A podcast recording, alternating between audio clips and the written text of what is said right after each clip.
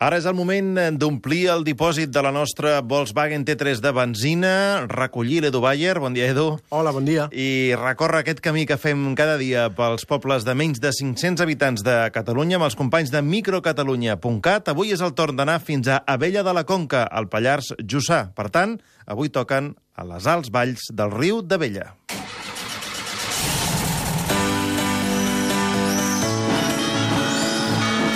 Viatgem per la microcatalunya. Municipi, Abella de la Conca, comarca, Pallars Jussà, habitants censats. 165, Com és l'escut del poble? amb el dibuix d'una abella. Quins nuclis el formen? Bóixols, Carreu, la Rua, la Torre d'Aroles i Abella de la Conca. I com es diu l'alcalde? Julià Sala, d'una llista d'independents. El microlloc. Deies, Edu, que... Dèiem, vaja, que hem d'anar a, les alta, a les altes valls, per tant, Abella de la Conca és un poble que està enfilat dalt de la muntanya i em deies tu mateix que amb unes vistes magnífiques eh, sobre la Conca de Trem, com una mica com les que vam veure ahir amb Llimiana. Sí, ahir estàvem a Llimiana, que és a la banda sud, i avui anem fins a Abella, que és a la banda nord. I, i així com així com Llimiana era una talaia, eh, avui estem en un lloc que és que s'enfila a sobre la serra i que, i que s'observa i que s'observa tota la conca de Trem des del, des del nord. El, el, I tenim la serra del Montsec al fons. És que Abella de la Conca és un poble petit que s'enfila, dèiem, a la serra del Carreu i que arribar-hi no, és, no és gaire fàcil i que potser per això ha anat perdent població al llarg dels anys. De fet, algun dels seus eh, carrers eh, han estat construïts a tocar de la pedra i fins i tot hi ha cases excavades literalment a la roca. Una de les versions que hi ha sobre l'origen del nom d'Abella, d'Abella de la Conca, és que aquestes cases originals eren com ruscs que estaven excavats a la muntanya.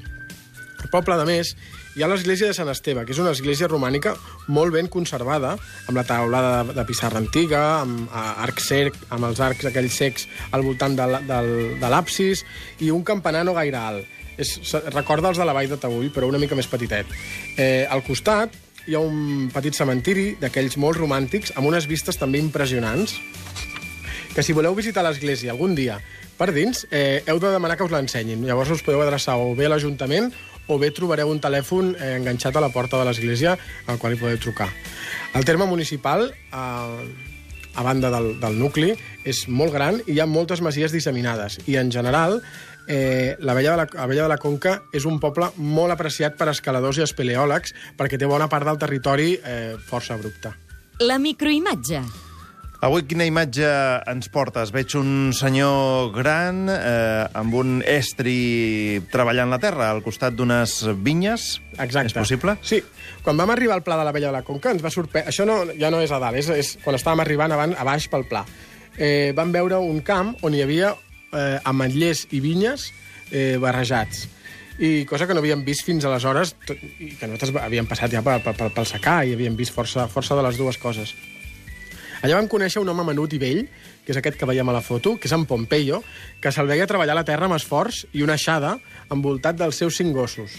Llavors va ser baixar de la furgoneta per anar-lo a saludar i, bueno, pots imaginar-te els gossos defensant-lo i tal, però al final vam aconseguir, no feien res, vam aconseguir, eh, vam aconseguir atens- atensar-nos-hi. I vau poder parlar amb ell de, de la seva feina, de la seva vida, història? Sí, sí. eh, En Pompeyo va néixer a, va néixer a Abella, a un mas eh, aïllat, més amunt encara del poble, fa 83 anys, en una zona que actualment només s'hi arriba amb 4x4. Ara, com que ja s'ha fet gran, eh, viu al Pla i ens va explicar que els ceps ell els havia plantat de petit i que antigament es barrejaven amb els ametllers perquè se'n gastaven de les dues coses i es barrejaven. I aquella, aquesta va ser la seva explicació. Com es veu a la foto, en Pompeyo vestia amb una, amb una camisa gastada, uns pantalons esparracats i unes sabates, que això sí que no s'observa gaire, estaven trencades i que fins i tot se li veia un trosset del peu. Tenia els cabells llargs i blancs i la barba no estava gaire ben afaitada. En Pompeyo us hem d'explicar que està jubilat i té una pensió, però segueix baixant el tros cada dia, tot i que no ho necessitaria, no, no, no, no li cal. Però ens va dir, ens va dir un, un queda com condolit si no treballa. Va ser una miqueta una oda al treball. És el que ha fet eh, tota la vida i en Pompeyo, encara que tingui 83 anys, doncs eh, continua fent-ho perquè és el... Eh, vaja, és el, el, el que ha fet sempre i Sí. segurament sense això doncs Jo- no sabria què fer. Jo, quan el vaig veure, em va semblar un d'aquells antics pagesos que estan marcats per la duresa de la feina i d'una època d'escassetats, com els que surten a la pel·lícula de Pa Negra. Gràcies, Edu. Ens veiem dilluns i tot seguit penjarem aquesta microimatge d'avui als comptes de Facebook i de Twitter del nostre programa. Bon cap de setmana. Igualment. Carburant Shell Fuel Safe, dissenyats per reduir el consum, patrocinen aquest espai. El microcatalà. A Vella de la Conca viuen molt poquetes persones i una d'elles és un francès que ha estat durant molts anys treballant en multinacionals en el sector de la perfumeria i que en un moment donat va decidir deixar-ho tot i obrir un refugi. És en Nicolà Duran. Bon dia, Nicolà. Bon dia, Marc. Uh, tu estaves uh, acostumat a viure a París, Saint-Tropez, Anglaterra. Què, què hi has trobat a, a Vella de la Conca? Sí, es que, es que hace, hace tres o cuatro años em, hemos encontrado este, este pueblo guapísimo y, y teníamos una oportunidad con una, un- una vieja casa de, de más de 200 años en el pueblo y, y queríamos cambiar un poco nuestra vida y, y vivir un poco más cerca de la tierra. Y ya está, estamos aquí. I aquí heu obert un, un ecorefugi, no? Què és això?